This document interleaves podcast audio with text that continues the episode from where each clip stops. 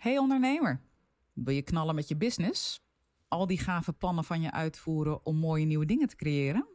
Alleen zit er nu één grote handrem op. En dat is dat je te veel bezig bent met je lichaam. En vooral met die buik die een eigen leven leidt.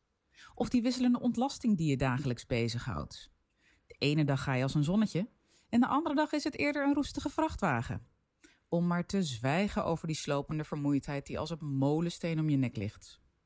Er is duidelijk iets waar je lichaam op reageert, alleen heb je totaal geen idee wat het is.